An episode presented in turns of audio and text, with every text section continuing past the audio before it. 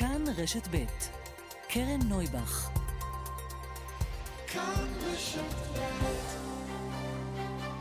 סדר יום עם קרן נויבך, תוכנית אקטואליה אחרת.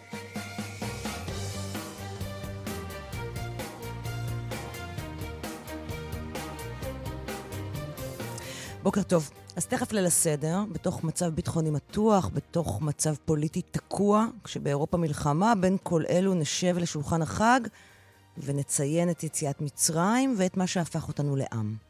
אז בתוך כל אלו, כדאי ורצוי לומר את המובן מאליו, שאם מי מאיתנו רוצה ללכת לבית כנסת, כל בית כנסת, יש לקבל אותו כמו שהיינו רוצים שיקבלו אותנו.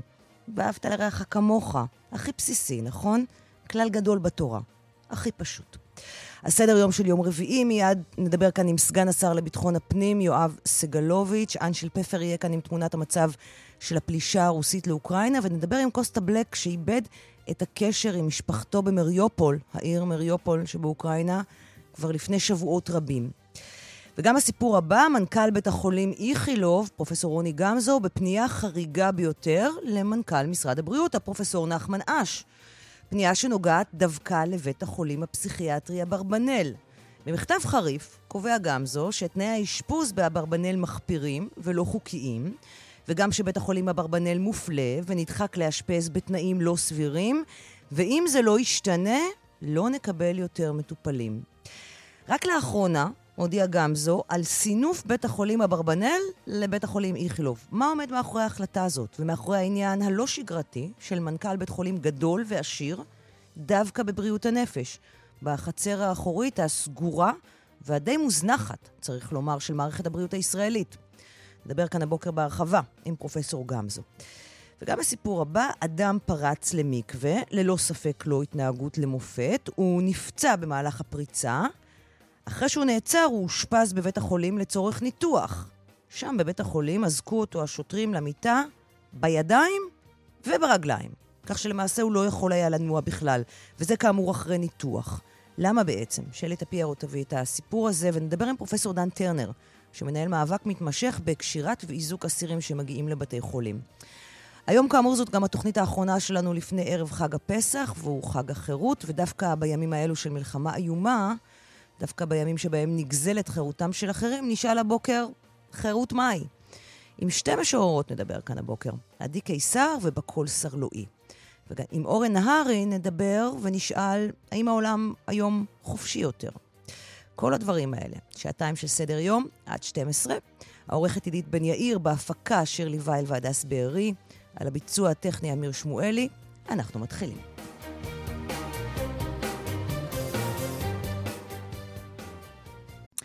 עשר ותשע דקות כאן אה, בסדר יום. לפני הכל אנחנו אומרים שלום לכרמל דנגור, כתבתנו בשטחים. שלום כרמל. שלום קרן. אוקיי, תמונת מצב, אה, קבר יוסף, עד שם משעות הבוקר. כוחות אה, צה"ל נכנסו לשם כדי ללוות בעצם את מלאכת השיפוץ, אחרי שהקבר הושחת ונפגע. תני לנו תמונת מצב של מה קורה שם עכשיו. נכון, בדיוק קרן. אז אנחנו יצאנו לפני כחצי שעה, הכוחות האחרונים יצאו לפני כחצי שעה משכם. נכון לעכשיו, להבנתי, אין יותר כוחות צבא, כוחות ביטחון בתוך העיר שכם, אחרי שהיינו שם בעצם קרוב לארבע שעות.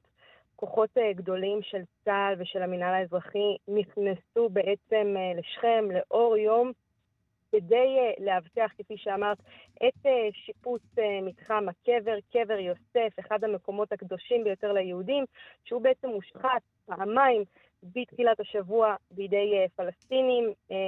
הייתי שם, ראיתי את הנזק הכבד שגרמו הפלסטינים למתחם הקבר. המצבה ממש נוסה. נזרק שם גם בקבוק תבערה שגרם לנזק למתחם, והפלסטינים שברו כל מיני דברים במתחם, כמו למשל את ארון החשמל, מכלי מים, את הנברשת שנמצאת במתחם, אבל כאמור הנזק המרכזי הוא בעצם ניצוץ המצבה. אז מה שקרה זה שבעצם שני גופים, אחד מהם נקרא מנהלת קבר יוסף והשני חברת הר כביר, שפעלו תחת מועצת שומרון, הם בעצם היו הגופים שביצעו את השיפוץ הזה, ובסוף השיפוץ, לפני קצת יותר משעה, אני יכולה לומר, קרן, שהמצבה שוחזרה לחלוטין, ואי אפשר היה לנחש שעד לפני כמה שעות היא הייתה מנותצת. אה, זה קורה הבוקר, צריך לומר שזאת כניסה אה, יחסית אה, חריגה. כוחות גדולים של צה"ל נכנסים באופן גלוי, בכוונה לאור יום. זאת הייתה המטרה בפעולה הזו. פעולה אנחנו... שמטרתה הפגנת שליטה בסיטואציה. תראי, קודם כל, הפעולה, מטרת הפעולה היא שיפוץ ותיקון הנזק שנגרם לקבר יוסף, ששוב, כפי שאמרתי, הוא אחד המקומות הקדושים ביותר ליהודים. אה, אבל כן, העובדה... אבל גם העברת נעשה... מסר, כן, אנחנו כאן. כן, אנחנו כן, לא באים באישון. היה... לילה. תראי, קרן, בעצם כל כמה שבועות נכנסים אלפי מתפללים לקבר יוסף. הם תמיד נכנסים בלילה בהבטחה גדולה וכבדה של צה"ל. אה, בדרך כלל הכניסות גם לשכם, אבל גם אה, לשאר הערים בשטחים והכפרים, לצורך ביצוע מעצרים או פעולות אחרות, בדרך כלל נעשות בלילה, כי זה יותר נוח בלילה. הפעם זה נעשה ביום. אה, אפשר לומר שזה קשור גם לרמדאן, כי בסופו של דבר ברמדאן, אה, לצורך העניין, הפלסטינים הם אה, כן ערים במהלך הלילה ואוכלים בלילה, ואז אפשר לומר שאולי הם גם קצת יותר עייפים בשעות הבוקר, אבל המטרה העיקרית כאן, או כפי שאמרת, העברת המסר היא שכוחות צה"ל נכנסים לא בצורה מסוערבת, אלא בצורה גלויה לשכם, לצורך אה, שיפוץ אה, הקבר אחרי שהוא הושחת בידי פלסטינים. ואני רוצה לומר לך, אולי אפילו נוכל לשמוע את זה. יש לנו את הדברים שמח"ט שומרון אמר הבוקר אה, לחיילים, את פקודת המבצע שלו. יש לנו? אפשר לשמוע את הדברים? נראה לי שלא. כנראה אז שלא. אז אני אקריא. Mm-hmm. הוא אמר ככה בקשר הצבאי, הוא אמר, היום אנו יוצאים למבצע תיקון ההרס של מתחם קבר יוסף. במקום זה הובטחה הארץ לאברהם אבינו. אנו פועלים היום ביד רמה לא כגנבים בלילה, אלא כבני מלכים. כך אנחנו זוכים להשיב את כבוד הארץ ואת כבוד עם ישראל.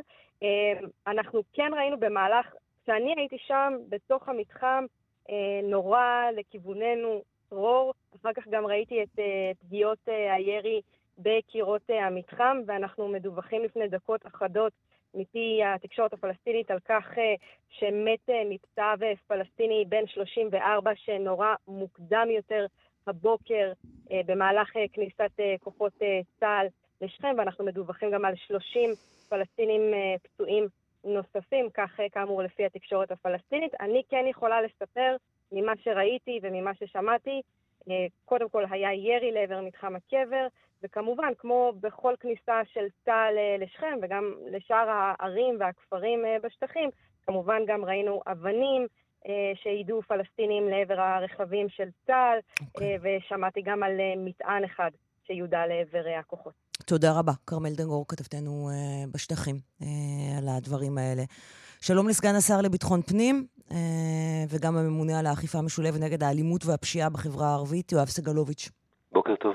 קודם כל, התייחסות שלך באמת לפעילות הזאת של אה, כוחות uh, צה"ל הבוקר uh, במתחם קבר יוסף, וגם לדברים שאומר מח"ט שומרון, אלוף משנה רועי צוויג, לפני כניסת הכוחות לקבר. במקום הזה הובטחה הארץ לאברהם אבינו, ואנו פועלים היום לא כגנבים בלילה, אלא כבני מלכים. כך אנו זוכים להשיב את כבוד הארץ ועם ישראל. זו פעולה שמטרתה להשיב את כבוד הארץ ועם ישראל, או פעולה שהיה צריך לעשות אותה מצרכים ביטחוניים? זו פעולה שהיה צריך לעשות אותה, כי בפועל, בניגוד לכל ההסכמים בכלל של שמירה על מקומות קדושים, המקום הזה הושחת, והייתה כניסה של הצבא על מנת לתקן את מה שנעשה, שזה חמור מאוד, ואני מניח שמעבר לגלוי יש גם פעילות בסמוי. בין הצבא לבין, לבין כוחות הביטחון ברשות הפלסטינית, שדברים כאלה לא יחזרו על עצמם. אבל זה נכון להיכנס ביום. לגבי כל האמירות האחרות, אני מעדיף לא להתייחס. למה אתה מעדיף לא להתייחס? כי א', אני לא שמעתי אותם uh, בקולי, ואני חושב שלא צריך פתוס, uh, תפיסת עולמי שצריך פחות פתוס, צריך לעשות מה שצריך לעשות, uh, ולכן אני פחות uh, בוחר להתייחס למה מי אומר מי, לאיזה עניין. אנחנו נכנסים פנימה, כי זה דבר שאסור להשחית uh, קודשי דת באשר הם, בוודאי קודשי דת יהודית, ולכן נכנסה הצבא בשביל להכניס סדר, ביטחון ולאפשר uh, תפילות למי שמאמין. כן, אבל באמת נשאלת האם תפקידו של מח"ט שומרון לתת פה סוג של שיעור ערכי? כי זה מה שזה, נכון? אנו פועלים היום לא כגנבים בלילה, אלא כבני מלכים, כך אנו זוכים להשיב את כבוד הארץ ועם ישראל. עוד פעם, אני, אני אומר שנית, אני לא, אני חושב שצריך לשאול את, את הצבא לגבי התבטאות של קציני צבא. אני בעניין הזה אמרתי את שלי, לדעתי זה מה שחשוב, מבחינתי לפחות. אמ, אנחנו uh, צפויים uh, לסופש מתוח מבחינה ביטחונית. אנחנו לקראת ליל הסדר, יום שישי הקרוב. בוא נשאל את זה, אתה יודע, בצורה הכי אולי קשה, אבל, אבל זה משהו שאני מניחה שעובר אצל רבים בראש. הפחד הגדול הוא פיגוע מלון פארק מספר 2. מה נעשה כדי שזה לא יקרה? אני חושב שכל בכל פסח, ללא כל קשר לשלושה שבועות שאנחנו עברנו, מי שמספיק מבוגר זוכר את הפסח הנורא הזה. אז תמיד זה נמצא גם, ש... גם שהמצב לא נמצא קשה, ולכן תמיד עוברים תסריטים אה, בראש. אה, זה נכון שעכשיו, אה, זה גם לא פעם ראשונה, אבל הש... ערב פסח יוצא בדיוק ביום השישי השני mm-hmm. של הרמדאן, אז יש הרבה מאוד את חיבור של חגים. בעיקרון, במצב נורמלי, חגים זה דבר שהוא חשוב לכל דת, רק התחברו לפה דברים נוספים, כולל הפיגועים של השלושה שבועות האחרונים, ולכן המערכת, ובראש ובראשונה המשטרה, מתוחה באמת עד, עד קצה גבול היכולת, יהיו הרבה מאוד אה, שוטרים בכל מקום, אנשי משמר אזרחי, בסיוע גם של כוחות צבא, ואני מקווה מאוד שהכל יעבור, אה, שכולם יחגגו את החגים הדתיים אה, שלהם בשקט ובשלווה. זה תפקיד של המשטרה, והיא תעשה אותו. אבל מבחינת ההיערכות של המשטרה, מה בעצם הולך לקרות גם בשישי בערב, גם בשבת? לא פעם, זה, זה, יש היערכות מאוד מאוד גדולה של משטרת ישראל, לא רק בירושלים, בהרבה מקומות במדינת ישראל. ואני חושב שההיערכות היא היערכות טובה, היערכות אה, תמיד צריך יותר, אבל ההיערכות היא היערכות אה, טובה, ואני חושב שמה שצריך לשדר בעיקר לציבור, כך אני מנסה לומר גם, גם כאן, גם אצלך, שקט וביטחון, אה, אה, בסופו של דבר אנחנו מדינה חזקה, יש כוחות חזקים, ונכון, גלי טרור היו אה, בעבר, היו גם בהווה בשלושה שבועות האחרונים, אי אפשר להבטיח שלא יהיו בעתיד. מה שבטוח צריך להמשיך לחיות. הדבר המרכזי שעלה בבירור מגל הטרור הנוכחי זה שהגדר פרוצה לחלוטין. ושמענו כל מיני מין דיונים כאלה. הימין לא רצה לסגור את הגדר כי זה צעד פוליטי, הצבא לא רצה לסגור את הגדר כי הוא רצה לאפשר סוג של אה, שחרור אה, לחץ, שפלסטינים יעברו דרך הפרצות וימשיכו לעבוד. האם הגדר עכשיו תיסגר? האם אתה חושב שהיא צריכה להיסגר? אני כל. אני חושב שהיא צריכה להיסגר. דרך אגב, חשבו כך בעבר, זה לא אה, המצאה מעכשיו. כן, הייתה רשלנות מאוד גדולה בשנים האחרונות בהקשר של הגדר. אני לא רוצה דווקא לשים על זה את הכותרות הפוליטיות, כי כשבנו את הגדר הזו, מלכתחילה זה לא הייתה, זה הייתה, לא הייתה ממשלה בראשותנו, זו הייתה ממשלה לפני הרבה הרבה שנים, והושקע שם כסף רב מאוד.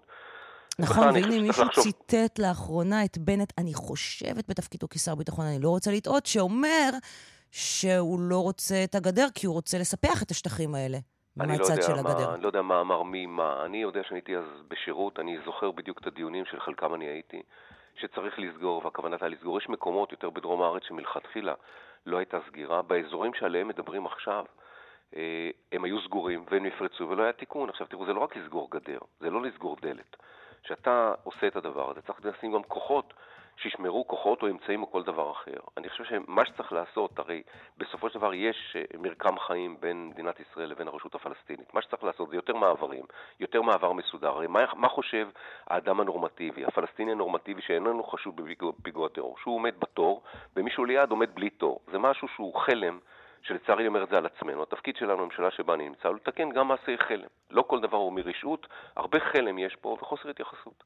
אחרי הפיגוע בחדרה, שברצף האירועים, אה, לדעתי כבר הספקנו לשכוח ממנו, אבל uh, הוא היה מאוד משמעותי, כי מה שעלה בו זה בין השאר הצורך האדיר באיסוף הנשק בחברה הערבית. המפגע הגיע עם כמות עצומה של תחמושת, שהוא לא עשה בה שימוש בסוף, אבל היא הייתה בידיו. Uh, אתה עוד מעט שנה בתפקיד. אמ, של הממונה אמ, על האכיפה המשולבת נגד האלימות והפשיעה בחברה הערבית. איפה עומד, מה השתנה ביחס לאיסוף הנשק אמ, בחברה הערבית בתשעה חודשים, כמעט שנה שאתה בתפקיד? אז uh, הפעילות שאני מרכז אותה באופן ספציפי, שאני, אותה פעילות שנקראת מסלול בטוח, התחילה באמת ב-17 לאוקטובר, עכשיו ממש uh, חצי שנה מאז תחילתה. עכשיו, אני קצת בטרמינולוגיה, כל פעם אני חוזר ו- ושואלים ומדברים במינים האלה, איסוף נשק. נשק לא אוספים, הוא לא מסתובב ברחובות. צריך להגיע לאנשים, ואני אומר לאנשים, ובואו נקרא להם בשם. כל מי שמחזיק נשק לא חוקי ואסור על פי דין, הוא עבריין. ויש הרבה כאלה. אנחנו לא בשלב שנעשה קול קורא, שאנשים בואו תביאו אותי למרכזי הערים, למרכזי הכפרים, תביאו לתחנות המשטרה, בואו ניפטר מהנשק. כי זה ברור לא לך שם. שזה, מה, כי זה לא יקרה? לא, לא, אנחנו לא עדיין, יבואו? אני עדיין, אנחנו עדיין לא שם. אני יכול להגיד לך מה, מההיסטוריה, שעשו בפעילויות כאלה שאמרו לאזרחים, בואו ותנו את כלי הנשק, הפעילויות האלה לא צלחו. Mm-hmm. לכן הפעילות שצריך לבצע אותה, מה שמשטרת ישראל בעיקר מובילה עכשיו, ואני יותר עוטף את כל המערכת כולה, היא למעשה אה, אה, לייצר פעילות מול כל הפשיעה באשר היא. בדרך לעניין הזה גם תופסים הרבה מאוד כלי נשק, יש אה, אחוז תפיסות מאוד מאוד רגיל, אבל, מאוד בלתי רגיל, אבל הדרך עוד ארוכה. בסופו של דבר... מה, תן לי מספרים, יש מספרים? כמויות? עוד פעם, לגבי, לגבי, אני אתחיל דווקא ב, ב, ב, ב, ב, באנשים. תראו, אני מרכז פעילות מאוד מאוד ממוקדת מול עבריינים, ארגוני פשיעה ופעילים. מתוך 740 uh, עבריינים שסומנו כמחוללי פשיעה מרכזיים בחברה הערבית, mm-hmm. 192 מהם כבר עצורים תום הליכים, ברובם בתיקי פרקליטות, כלומר תיקי פשע. ויוגשו לא... נגדם כתבי אישום? כן, כן. מה שאני אומר 192, שיש כתבי אישום ברובם בתיקים של... שהפרקליטות הגישה, כלומר בתיקים של פשע. Mm-hmm. מתוך, uh, הפעילות היא לא רק אל מול, אל מול, אלא גם אל מול מחוללי הפשיעה. ואני דיברתי גם אצלך בתוכנית. רשות המיסים נרתמה באופן בלתי רגיל לפעילות, למעלה מ-200 מיליון שקלים נתפסו מעבריינים. הרעיון המרכזי הוא לפגוע בחמצן או בצינור הכלכלי אה, של, ה, של הפשיעה בחברה הערבית. מטופלים נותנים שירותים פיננסיים או צ'יינג'ים, כפי שמכירים לקרוא אותם, שלא טופלו, בכל השנים האחרונות לא טופלו בכלל. יותר בסביבות 83 מיליון שקלים של הפרות היו שם, כולל חילוטים. אה, אה, כלי רכב, אה, זה נשמע כאילו תופסים כלי רכב, אבל כלי רכב מעבריינים, בעלי חוב או בעבירות של איסור הלבנת הון. יש שינויים מאוד מאוד גדולים עכשיו בשני תחומים שהם לאו דווקא, הם יותר תהליכיים. האחד זה השוק השחור, שצוות בראשות מנכ"ל האוצר מסיים עכשיו, השבוע או מיד אחרי החג, את המצב לגבי הנושא של שימוש במזומן מצד אחד, מצד שני לייצר אלטרנטיבה לאזרח הנורמטיבי לקבל הלוואות ומשכנתאות בבנקים. אה, כל הנושא של חשבונות פיקטיביות, שאני לא יודע כמה אנשים מבינים איזה מנוע כלכלי עברייני זה בפשיעה, שמניע ארגוני פשיעה ופושעים מכל הסוגים. הולך לעבור שינוי דרמטי על ידי רשות המיסים ממש בחודש הקרוב, וגם כל הנושא של מכרזים ברשויות מקומיות, כל הדברים כאילו שהם רחוקים והם לא קשורים, אבל כל הכספים שהמדינה נותנת, והדרך שבה הם מגיעים לרשויות מקומיות, והדרך שבה עבריינים, בפרוטקשן, בדברים אחרים, מתעסקים איתם, אה, כל הדבר הזה אמור לעבור שינוי גם הוא בחודש הקרוב. ולצד גם... כל זה, כן? לצד כל זה, אנחנו כל הזמן שומעים עדויות של אה, אזרחים ערבים שמתארים איך הם זועקים לסיוע המשטרה, והיא לא עושה כלום. בתוכנית שקדמה לי, אצל קלמן וליברמן, עלה אה, אזרח ישראלי שזכה אה, באדמה בערערה, אה, והוא לא מצליח לממש את זכותו לבנות על האדמה בערערה, כי המשפחה שמכרה לו את האדמה פועלת נגדו בבריונות אינסופית ובאלימות. המשטרה לא עושה שום דבר. הוא פנה לתנועת רגבים כדי שתסייע לו. ברהט, לפני כמה ימים, היה את האירוע בבית הקפה. המשטרה כמעט לא קיימת שם. האזרחים הערבים עצמם, כן, מעידים על זה שכשהם צריכים את המשטרה באמת, כשהם נפגעים מאלימות אה, בתוך החברה הערבית, המשטרה לא שמה. אני לא יודע לתת אה, תשובה פרטנית לאנשים, ואני מניח שמה שהוא אמר כמובן הוא נכון. אני יכול כן להגיד לך, שדיברתי, העלית נגיד את הנושא של רהט. אני, אני דיברתי עם ראש העיר ביום שבת, פאיז, הייתי אצלו ביום, ביום ראשון היה מפקד המחוז, אני הייתי ביום שני. יש כוחות רבים ברהט, אני הייתי איתו בסיור בשני בתי הקפה שהיו שם. אכן אירוע חריג בצורה בלתי גאה, כוחות מאוד מאוד גדולים, אנחנו נשים יד על העבריינים שירו שם.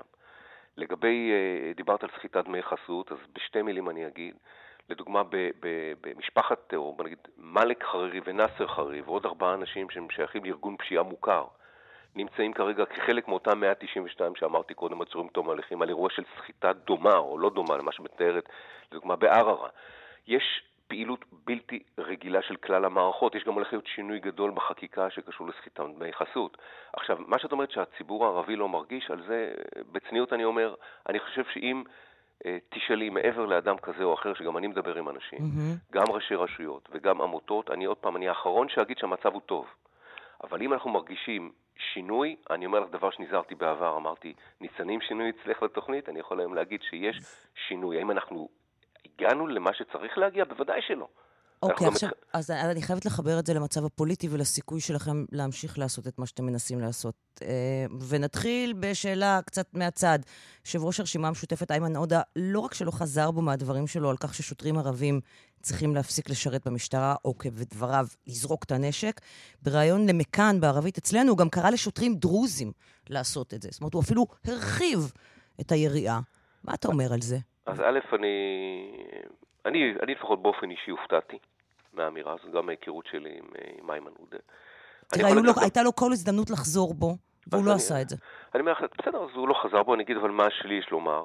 מה שלי יש לומר, שמה שהוא אמר, א', זה חמור, זה באמת עומד על סף ההמרדה, נקרא לזה, על סף העבירה הפלילית. לא יודע מה יחליטו, אבל זה על סף העבירה הפלילית. אבל, אני אגיד לך משהו נוסף, שעומד אותו חבר הכנסת איימן עודה, שומר מול שער שכם ונושא את, ה, את, ה, את האמירות הקשות, הבוטות והבלתי מידתיות האלה.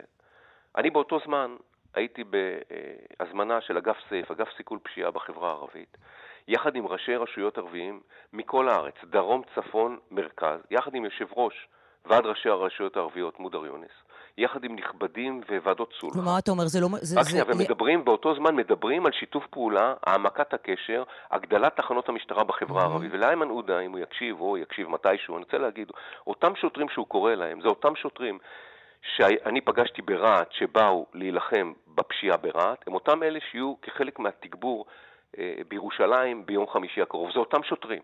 אין שוטרים שמפוצלים, הם מפוצלים רק בראשו של איימן עודה מסיבות פוליטיות. וחבל לי שהוא אמר את זה. זה שהוא לא התנצל זה חבל אפילו פעמיים. ולכן אני אומר את הדברים האלה, כי במשטרת ישראל הכוונה היא לגייס יותר ויותר שוטרים מוסלמים, נוצרים, דרוזים, צ'רקסים, שנהיה באמת משטרה שנותנת את הצבע הכללי של אה, מדינת ישראל. וזה המציאות היום במשטרת ישראל. וחבל שאיימן עודה לא יודע. ואחרי כל זה, אם תצטרכו את האצבעות של המשותפת כדי שהקואליציה תשרוד, אני מניחה שלא תהססו להגיע איתם לדיל כזה או אחר של תמיכה מבחוץ. עוד פעם, תראו, הכנסת, יש כמה כובעים לכנסת, וזה לעיתים שוכחים. תמיד מדברים על כסף, מדברים על חקיקה. אני פה רוצה להגיד גם לציבור, חקיקה זה לא מרכז, או זה בוודאי תפקיד מרכזי. קוראים לה הרשות המחוקקת. יש לה עוד תפקיד, הרשות המבצעת.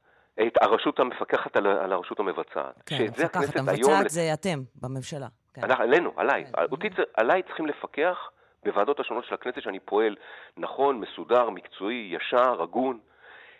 בהקשר הזה, זה התפקיד של הכנסת. עכשיו, באירועים שצריכים להעביר דברי חקיקה, אם דבר החקיקה יהיה לו רוב, הוא יעבור. לא יהיה לו רוב, הוא לא יעבור. יש, אה, יש אמירה שמסתובבת מה... בשבוע יש... האחרון שכאילו, mm. אני לא רוצה להקטין את העניין. בוודאי שיש אירוע לא פשוט לקראת אה, כינוס המושב הבא של הכנסת. בוודאי. יש, כרגע... יש בכלל יכולת לממשלה הזאת אה, לשרוד, או שהיא תהפוך לממשלת שיתוק, ממשלה של 60 שלא תצליח להעביר שום מהלכים? אז אני חושב שאנחנו לא ממשלת שיתוק, אנחנו ממשלה שבהרבה מובנים עושה דברים שלא עשו פה בעבר. אבל לא, לא תצליחו לעשות את זה יותר, כי אין לכם 61. כן, אנשים שוכחים, אנחנו, לא הכל זה חקיקה. אנחנו, כרגע עכשיו, את צודקת שכרגע אי אפשר להעביר חוקי יסוד. את צודקת. לא כל מדינת ישראל חיה כרגע על שינוי חוקי יסוד, זה לא בתוכנית גם. התוכנית כרגע לממש, כרגע פעולות, קודם כל של הממשלה, שקשורות לתקציב מדינה שלא היה כמה שנים, ועכשיו יש, צריך ל, ל, לפרוץ את התקציב קדימה. אפרופו חברה ערבית, שכל אותם תקציבים טובים שעוברים למקומות, לצפון ולמרכז, תגבור המשטרה, שסוף סוף תגדל בעוד 1,100 שוטרים. ואתה אומר, מה, בשביל זה אני לא צריך אה, הצעות חוק בכנסת? לא, לא, את זה אני לא אומר, רק אני אומר שהקשר הישיר שאומרים, שאם כרגע יש לנו קושי, כרגע, שאנחנו אין לנו את האצבע במרכאות ה-61, הכל נופל, את זה אני אומר, לוקח את זה קצת, לקחת אוויר. במציאות של החיים שלנו, לטוב ולרע, אנחנו מדברים היום, ויכול להיות שעוד מחר או מחרתיים יהיה משהו אחר לגמרי, ויהיו נושאים אחרים לחלוטין. ולכן אני אומר, צריך לקחת אוויר, להסתכל קדימה, להמשיך לקדם כל אחד בתפקידו. אני יודע מה התפקיד שלי. כמה זמן עוד אתה חושב שתהיה בתפקיד הזה? אני לא, אני לא יודע, אני לא יודע לאמוד. אני מבחינתי, okay. אוקיי. הממשלה הזאת צריכה למלא את ימיה, ואני חושב שאולי גם בזה תהיה הפתעה, כמו שלאורך כל הדרך הממשלה הזאת מפתיעה כל הזמן. יופי. נכון שיש מאבק לא פשוט, פוליטי ואחר. אני, אני חייב אבל כן לסגור איזשהו מעגל mm-hmm. ברשותך. משפט אחרון, כי אנחנו חייבים לסיים, כן. המרכז, המרכז של העשייה שלי היא איך לצמצם את הפשיעה בחברה הערבית. אי אפשר לעשות את זה, אי אפשר לעשות את זה בלי חיבור עמוק לקהילה, לחברה הערבית, לראשי הרשות שהם שותפים מלאים, הם שותפים מלאים לפעילות שאני אמון עליה. כולל חברי הכנסת הערבים, כולל חברי הכנסת היהודים, כי זה סיפור שאיננו סיפור פוליטי, זה סיפור חברתי. אכיפה, ציות לחוק, הוא סיפור אזרחי. הוא לא סיפור רק של שיטור, הוא סיפור לאיפה המדינה רוצה ללכת, ולשם אני מחובר לגמרי. יואב סגלוביץ', סגן השר לביטחון פנים, הממונה על האכיפה המשולבת נגד האלימות והפשיעה בחברה הערבית, תודה רבה שדיברת איתנו הבוקר, וחג שמח. יום טוב וחג שמח ושקט לכולם. אמן, לכולם. פרסומות וחוזרים. 10.33, 10.33, שלום לקוסטה בלק. שלום, בוקר טוב, כן. מה שלומך? בסדר גמור. יש לך משפחה במריופול. נכון. מי יש לך שם? דודים, בני דודים, מצד האימא, מצד האבא. כבר 40 יום לא שמעתי מהם כלום. 40 יום לא דיברת איתם. 40 יום, כן. בשני, בשני לש... כן, 40 יום. נכון. ובפעם האחרונה שדיברת איתם, מה שמעת מהם? זה היה ערב לפני הפלישה הרוסית לעיר. אה, האינטרנט שלהם היה מאוד חלש, אה, וזה היה כנראה כאילו סימן שהולכים להשבית להם אותו. אה, הם לא היו מודאגים משום מה. הם לא היו מודאגים? לא. אני חושב שהרבה מאוד אה, אנשים אה, הופתעו. מעצם הפלישה הרוסית. כן, היו כאילו, אני- אני לא יודע אם את זוכרת את התקופה הזאת, אבל אה, לפני... אני זוכרת ה- שראיינתי כאן אה, ישראלים, ישראלים אוקראינים, כלומר כאלה שדוברי עברית וחיים באוקראינה, שאמרו, לא יקרה כלום. אני זוכרת, את זה אני זוכרת. נכון, אז אה, זו הייתה תקופה שכזה, כולם אמרו בסוף לא יקרה כלום, לא יקרה כלום, אז אנשים בתוך אוקראינה, הם אה, כאילו, נגיד אני ידעתי שתהיה פלישה, אוקיי? מה זה ידעתי? כאילו, שיערתי שזה כן יקרה בסוף. אה, והתושבים בתוך אוקראינה, המון, כאילו גם שמעתי, הייתי בהמון ספייסים של אנשים בתוך אוקראינה, אה, וספייסים אה, גם בעולם, בטוויטר, ואנשים, אה, הציבור עצמו לא היה מוכן. אם ההנהגה ידעה או לא, זה כבר סיפור אחר, אני לא נכנס לזה, אבל התושבים לא היו, היו מאוד מופתעים. ואז זה קורה, והקשר עם המשפחה ניתק, ומאז, בוא, בוא נאמר שמריופול נמצאת, כל, זה אזור מלחמה כל הזמן בעצם, בחודש לא האחרון. שם, לא השאירו שם אבן על אבן. לפחות מהתמונות שיוצאות החוצה, ולהערכתי אנחנו עוד לא הבנו את גודל הזוועה. אנחנו לא יודעים, ואני מאוד מקווה ומתפלל שהמשפחה שלי בכלל, אה, אנשים שם בסדר, כמה ש... אבל אני חושב שהעולם עוד לא יודע מה קרה שם. מה עובר לך בראש? האמת היא המון חרדה, כאילו, זה גם כל מה שקורה אצלנו בישראל, וגם במשפחה שלך שם במלחמה, זה מייצר המון סטרס וחוסר ודאות כמובן, שאתה לא יודע מה קורה איתם. אה, ובאמת מתחוללות שם זוועות מהידיעות שאנחנו מקבלים, מה שאנחנו יודעים פחות או יותר, ואני חושב שהרבה דברים אנחנו לא יודעים, וזה מה שהכי עצוב והכי כואב. שרוב הדברים אנחנו לא יודעים. יש איזושהי דרך שאתה מנסה לברר מה קורה להם? יש איזשהם מקורות מידע, לא יודעת, קבוצות וואטסאפ, מקומות אז- שפליטים מגיעים אליהם, דרכים אז שאתה מנסה... אתמול, אז אתמול נפתחה קבוצה ב- בפייסבוק אה, של קרובי משפחה שמחפשים, אה, שתביני את גודל האירוע. קרובי משפחה שמחפשים אה, את הקרובים שלהם במריופול, ספציפית. תוך כמה שעות בודדות הקבוצה הגיעה ל-140 אלף אה, אנשים. אה, אני לא יודע איפה זה עומד עכשיו, כאילו אתמול בערב התעדכנתי לפני שהלכתי לישון.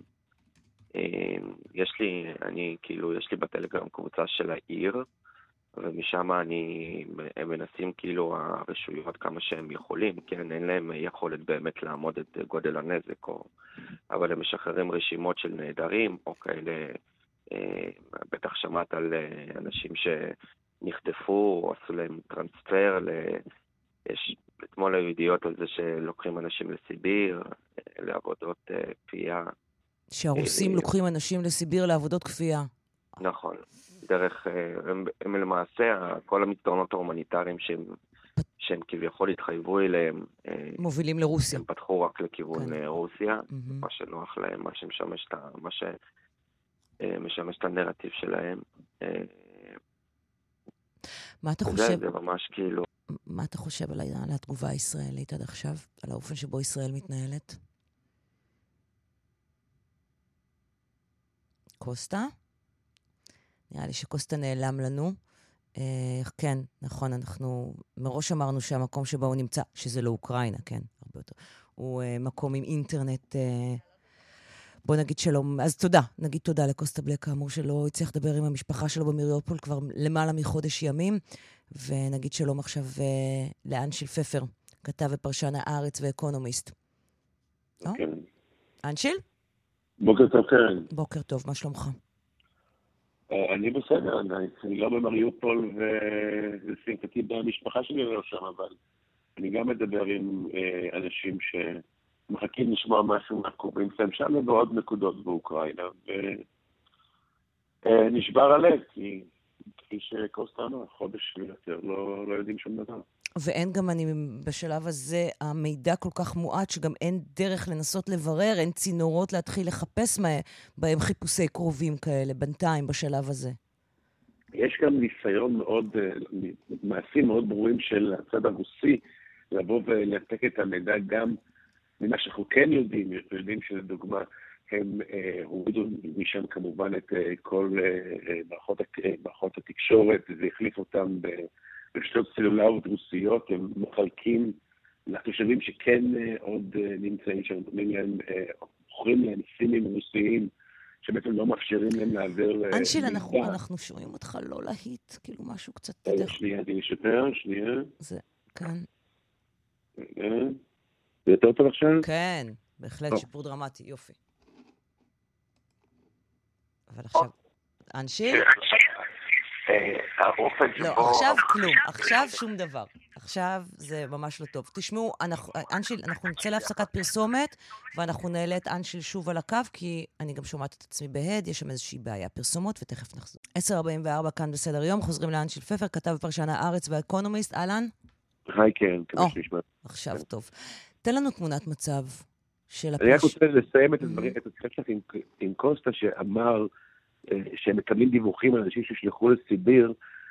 באמת חוסר הידיעה של מה שקרה לעשרות, אולי אפילו מאות אלפי אנשים במריופול, שניתקתי איתם הקשר, מפרנס בשמועות אה, באמת מאוד קשות, קודם כל שיש מחנות בצד הרוסי, מחנות מיון כפי שהיה במלחמת צ'צ'ניה, שידוע שהיה שם הוצאות להורג, והתעללות קשה באסירים, וששלחו אותם לנקודות הכי נידחות ברוסיה, לסיביר ולסחלין, וכשלא יודעים מה קורה, ושיש איזושהי תקווה קטנה שבכל זאת אנשים יישארו בחיים, זה, אלה, אלה סוג הסיפורים שמסתובבים.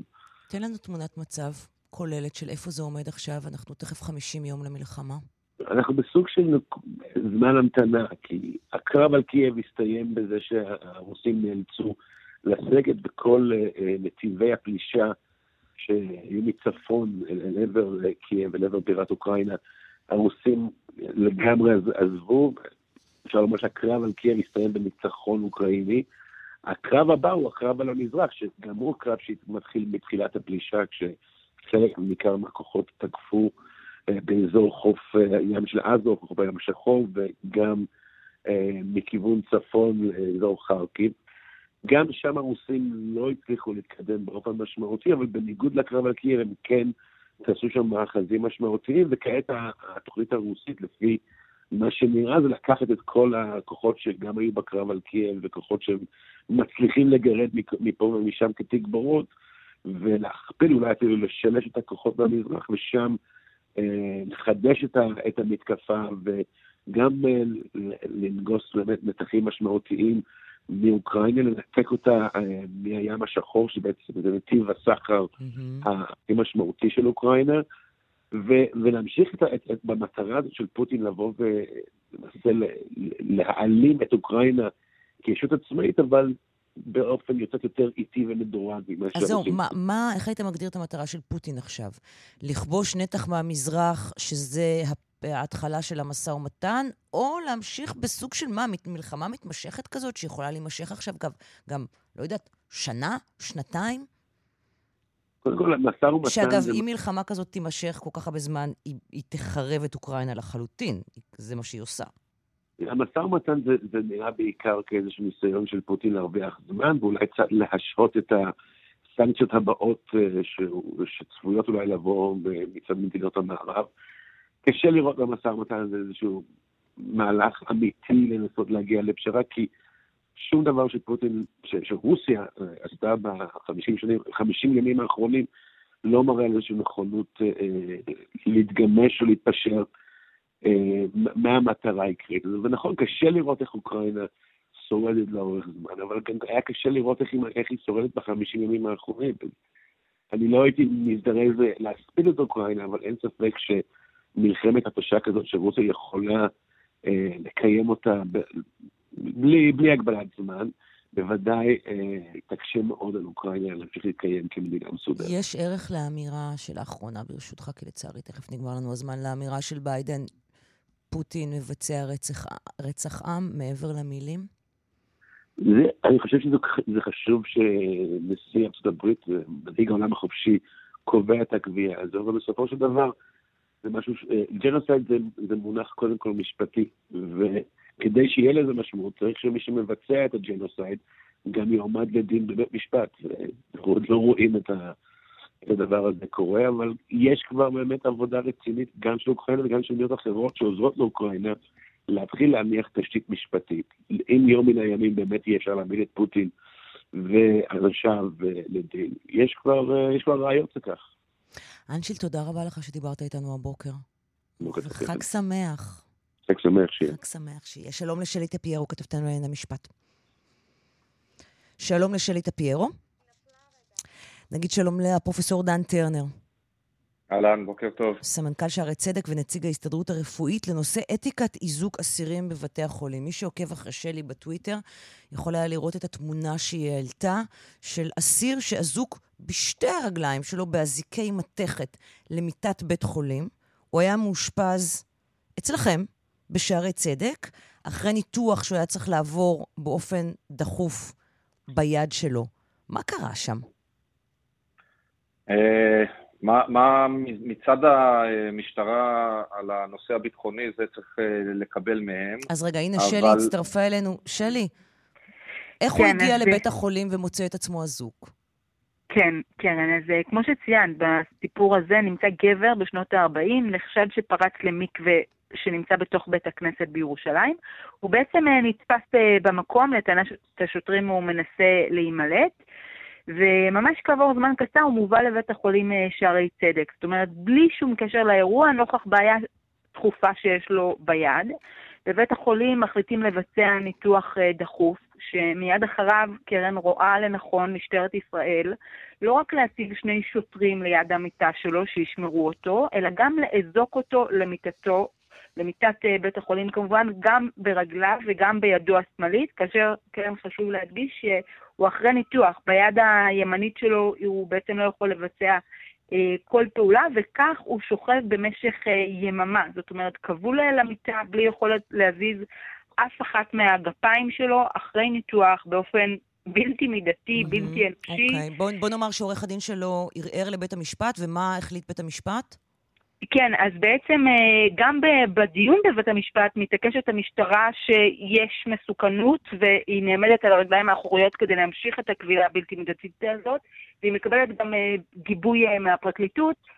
רק שופט בית המשפט המחוזי בירושלים, אלי אברבנאל, קובע שיש לקבל את טענת העותר, כי האיזוק מגביל אותו באופן חריג, גורם לתחושת אי נוחות okay. אוקיי. גבוהה להפעלתו, ומחליט מהי ההחלטה? כי שלי, כי אנחנו צריכות להתקדם.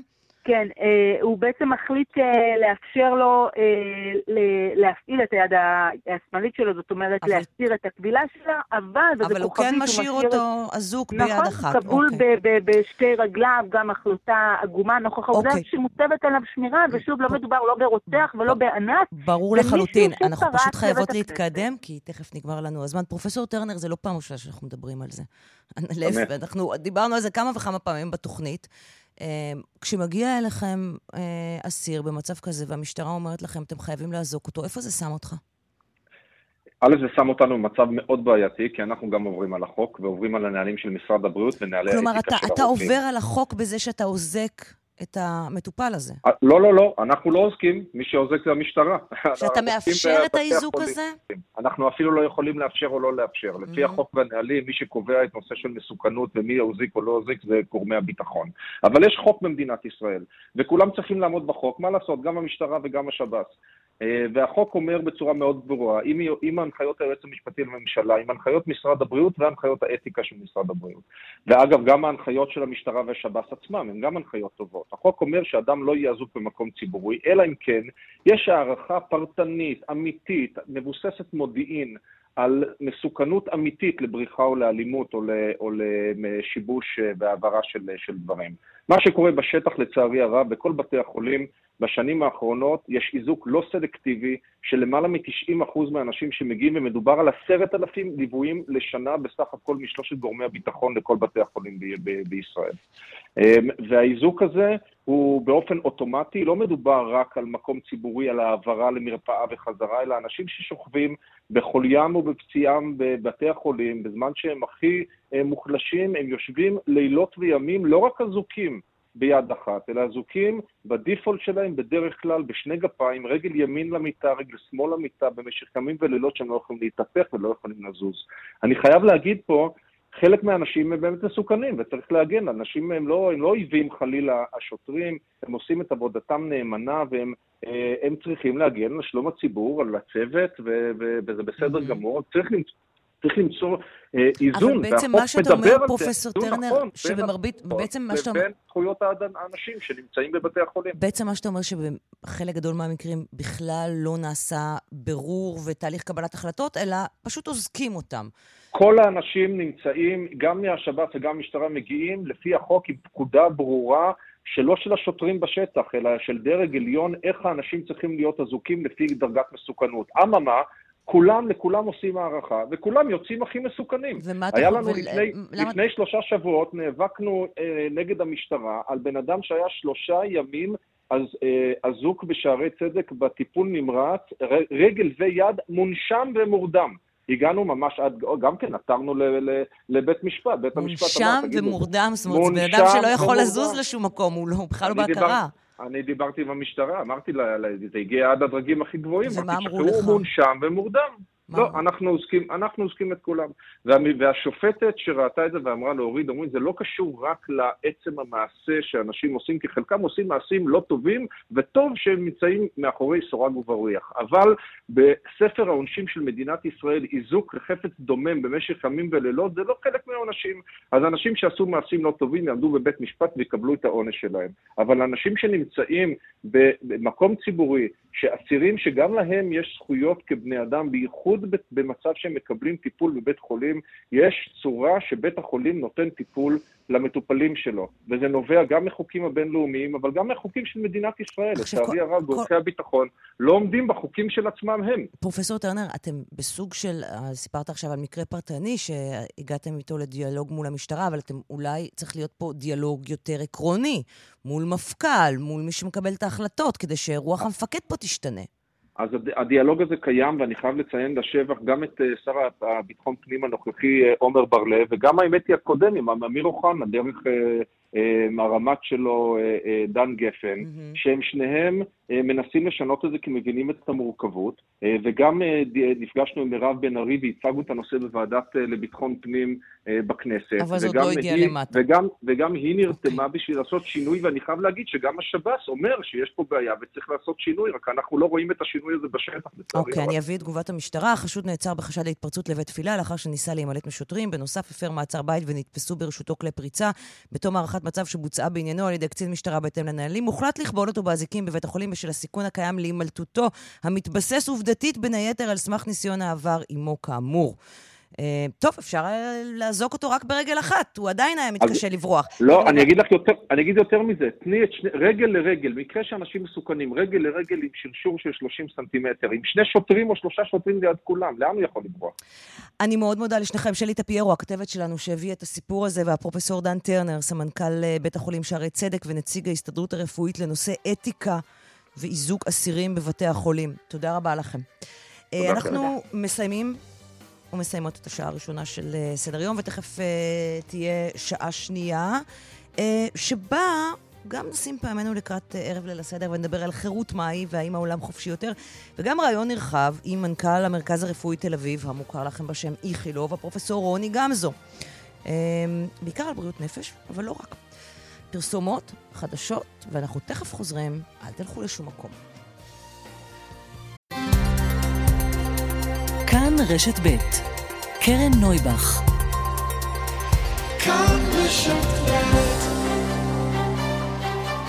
סדר יום עם קרן נויבך, תוכנית אקטואליה אחרת.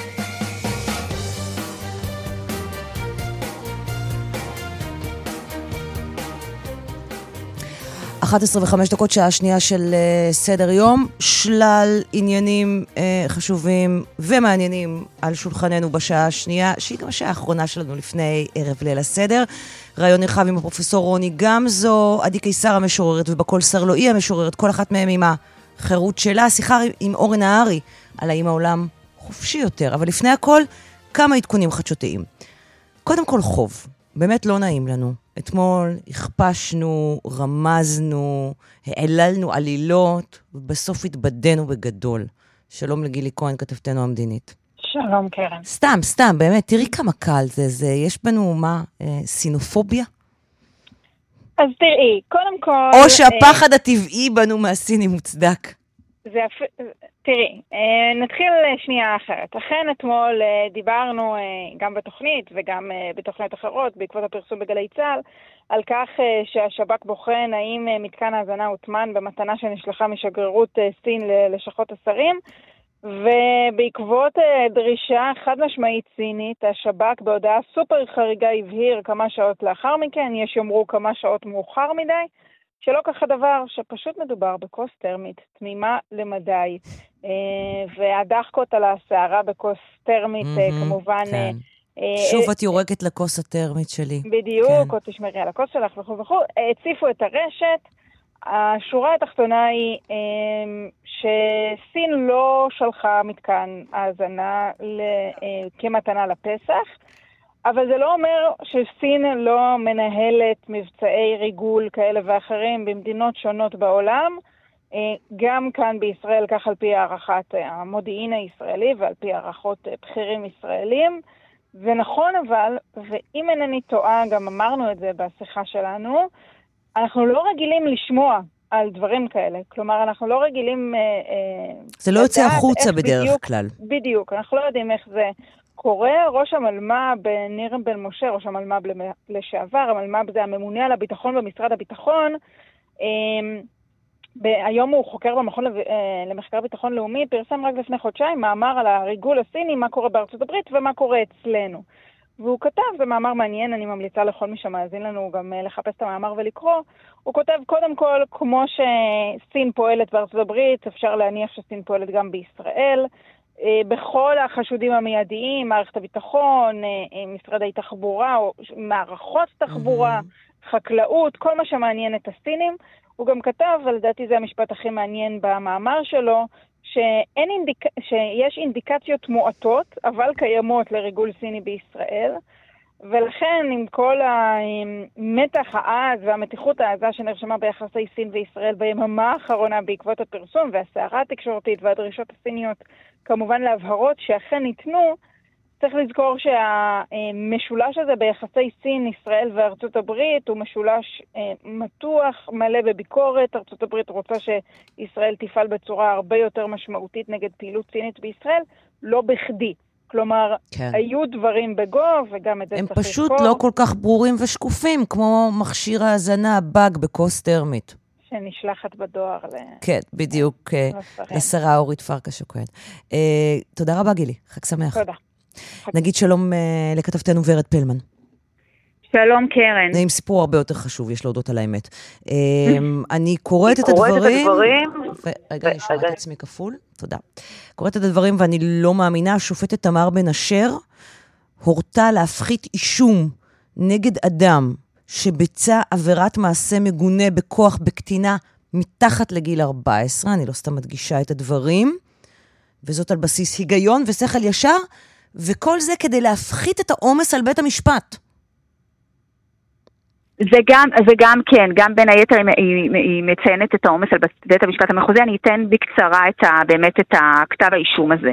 כתב אישום שהוגש באוגוסט אה, שעבר כבר לבית המשפט המחוזי בירושלים, ובו בעצם מתואר אירוע שבו גבר שבעצם נתקל בנערה כבת 13 בפארק ציבורי בירושלים, מבצע בה מעשים מגונים במשך חמש פעמים, כשהיא מבקשת ממנו להפסיק, ופעמיים היא גם דוחפת את הידיים. הידיים שלו, והפרקליטות האשימה אותו בעצם בסעיף של מעשים מגונים בנסיבות אינוס, שדינם עד עשר שנות מאסר, ולכן כאן אה, מדובר בסעיף של בית משפט אה, מחוזי. והעורך דין שלו בעצם אה, טען שלא מדובר בסעיף המתאים, והשופטת תמר בר אשר בעצם מקבלת את הטענה הזאת, והיא אומרת שהנסיבות של המקרה הן לא נסיבות ברף אה, הגבוה של המעשים המגונים, ולכן אה, יש להאשים אותו בעבירה של מעשים מגונים שדינה עד שבע שנות uh, מאסר, ולכן התיק יועבר כדי גם לא לייצר עומס חלילה על בית המשפט המחוזי ובעקיפין בערכאת הערעור על בית המשפט העליון, לבית משפט השלום בבירה, מה שאומר בעצם שהכתב אישום הזה uh, יועבר לבית משפט השלום, ואם. ובגלל שמדובר בהחלטת ביניים של בית המשפט, אי אפשר לערער באופן אוטומטי על ההחלטה הזאת. אני נכנסת פה לעניינים משפטיים, אבל הם חשובים, קרן. ומה שנותר לפרקליטות לעשות זה או להגיש בג"ץ, או בעצם למחוק את כתב האישום, לבקש מה שנקרא גישור מעצר, שזה בעצם 72 אה, שעות שבהם היא מגישה ערר על ההחלטה הזאת, ומנסה להחזיק אותו עדיין במעצר כשהסיכון פה שהוא, שיש סיכון כאן שהוא ישתחרר, וכל הסרבול הזה, בגלל שבית המשפט לא מכיר בחומרה של אותם אה, מעשים של אה, אותו נאשם, ובעצם מנסה להפחית את העומס מבית המשפט המחוזי, כשגם בתי המשפט השלום, יש לומר, עמוסים מאוד uh, בישראל. וההחלטה הזאת היא החלטה שמאוד uh, מקוממת uh, רבים, בהם גם, uh, uh, אני יכולה לומר, גם uh, המועצה לשלום הילד שמלווה את הילדה הזאת, mm-hmm. עורכת הדין לירון אשל, היועצת המשפטית של מועצה לשלום הילד, אמרה לי אתמול שזה פשוט מסר מאוד קשה לאותה נערה שנפגעה, שגם בעצם תראי, אנחנו לא, זהו בדיוק, אנחנו לא ניכנס לפרטים, אבל היא ממש נאבקה בו. נכון, נכון מאוד. ולכן לא ברור כאן למה בית המשפט מעדיף להקל באישום של אותו הגבר ולהעביר את זה לבית משפט השלום. וכעת הפרקליטות שוקלת... זהו, מה הפרקליטות לה... יכולה לעשות בעצם בסיטואציה הזאת? הפרקליטות, אה, כן, היא כרגע שוקלת מה לעשות, והאפשרויות שלה זה או להגיש בג"ץ על זה, בגלל שזו החלטת ביניים, ואי אפשר אוטומטית להגיש בג"ץ, או כאמור למחוק את כתב האישום, להסתכן בכך שאותו אה, נאשם אה, אה, ישוחרר ממעצר, ולהגיש על כך אה, ערעור על ההחלטה הזאת. בקיצור, יש כאן מסכת מאוד קשה. עכשיו, אני אומר שלא פעם ולא פעמיים אני נתקלת באמת בכתבי אישום בבתי המשפט המחוזי בנסיבות דומות. זאת אומרת, זה לא, זה לא החריג, ויש כאן מסר שהמחוקק וגם הפרקליטות מבקשים להעביר כלפי אותם כן, אנשים שמבצעים כן, את כן. העבירות האלה. במקרה הזה גם האירוע הזה תועד. אין כאן מחלוקת על האירוע. והנה כנראה הוכחה נוספת לכך שחייבים uh, בתי דין מיוחדים לעבירות מין. כי אם הייתה יושבת שם שופטת שקיבלה הכשרה לעבירות מין, סביר מאוד שההחלטה הזאת לא הייתה מתקבלת. מאוד יכול להיות. ורד פלמן, uh, כתבתנו, תודה רבה לך. תודה, קרן. שלום לדקלה אהרון שפרן, כתבתנו לענייני בריאות. שלום, קרן. אמ, שני מנהלי בתי חולים, אחד מנהל של בית חולים אה, גדול, המרכז הרפואי תל אביב, שאותו אנחנו מכנים איכילוב, פרופסור רוני גמזו, ומנהל בית החולים אברבנאל, פרופסור מלמד, במכתב חריג למנכ"ל משרד הבריאות, פרופסור נחמן אש, שבו הם מתריעים שתנאי האשפוז באברבנאל מחפירים. כל האירוע הזה הוא אירוע יוצא דופן במערכת הבריאות, גם הכללית וגם זו של בריאות הנפש. ממש כך, זה אירוע חריג מאוד, הם מדברים במכתב הזה על כך שבית החולים אברבנאל מופלה בנושא המשאבים, נדחק לאשפז בתנאים שהם אה, לא סבירים, ובמכתב הזה בעצם אה, מנהל בית החולים איכילוב ומנהל אה, בית החולים אברבנאל אומרים, אם לא יהיה שינוי, החל מ-1 במאי, החודש הבא, המחלקות לא יקבלו מטופלים מחדר המיון אם יש תפוסה של יותר מ-110 אחוזים, ואז האחריות בעצם עוברת למשרד הבריאות ולפסיכיאטר אה, המחוזי.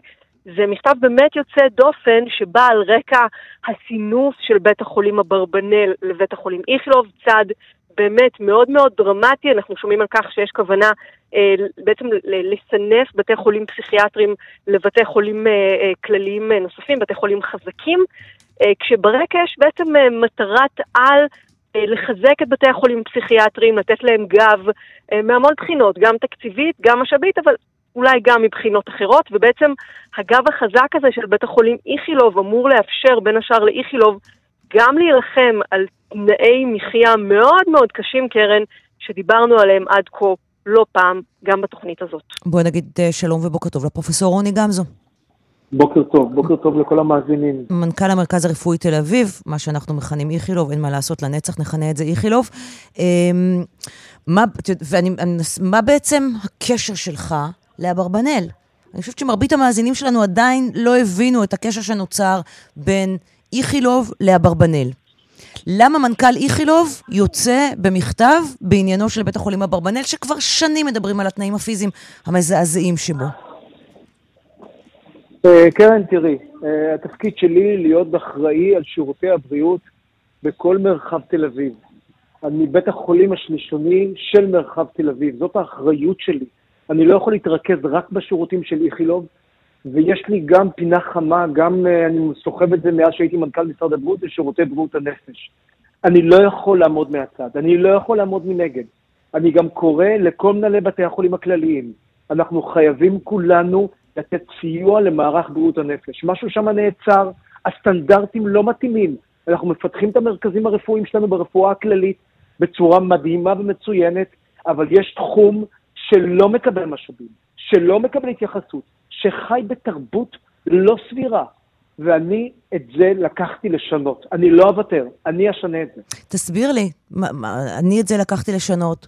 מתי אתה... למה הם לא... צריכים, למה הם צריכים לאשפז 140 אחוז? למה לא צריך להגדיל את המיטות שם? למה התקציבים זורמים למערכת האשפוז הכללית באופן שונה מבריאות הנפש? היית מוכן לוותר צריכים... על תקציבים לאיכילוב כדי שיעברו לאברבנאל? קחי חצי אחוז מאשפוז בתי החולים הכלליים, ואם מישהו אומר שאין כסף במדינה, זה שאני לא קונה, אבל קחי חצי אחוז ממערכת האשפוז הכללית, תעבירו אותה לבריאות הנפש. אני ארגיש בנוח עם זה. אני לא, אני לא אתמוטט, ומערכת האשפוז הכללית אולי גם לא תתמוטט מזה. אבל בריאות הנפש במדינת ישראל צריכה להשתנות. אנחנו נמצאים בשירותים ששם אנחנו לא גאים. כולנו גאים על הטכנולוגיות ועל היופי שלנו במערכות ובדרך שאנחנו מאשפזים, וישראל, איזה יופי של קופות חולים, ואיזה טכנולוגיות מדהימות בבתי החולים, וחדשנות, ומתחמי חדשנות, וה... ויש לנו שירותי בריאות הנפש לא מספיק טובים. בואו נשים את זה על השולחן. פרופסור גמזו... ממשלת ישראל, במקום, באמת, אני, אני מאוד מעריך את השר, אנחנו צריכים לשים את זה על השולחן מבחינת משאבים. עשינו רפורמה, אני הייתי מנכ"ל משרד הבריאות שעשיתי את הרפורמה. פרופסור גמזו, אני, אני, אני מסכימה עם כל מילה שלך, אוקיי? ויותר כן, מזה, אנחנו צועקים את זה בתוכנית מאז שבעצמנו גילינו במרכאות את הנושא הזה ב-2016.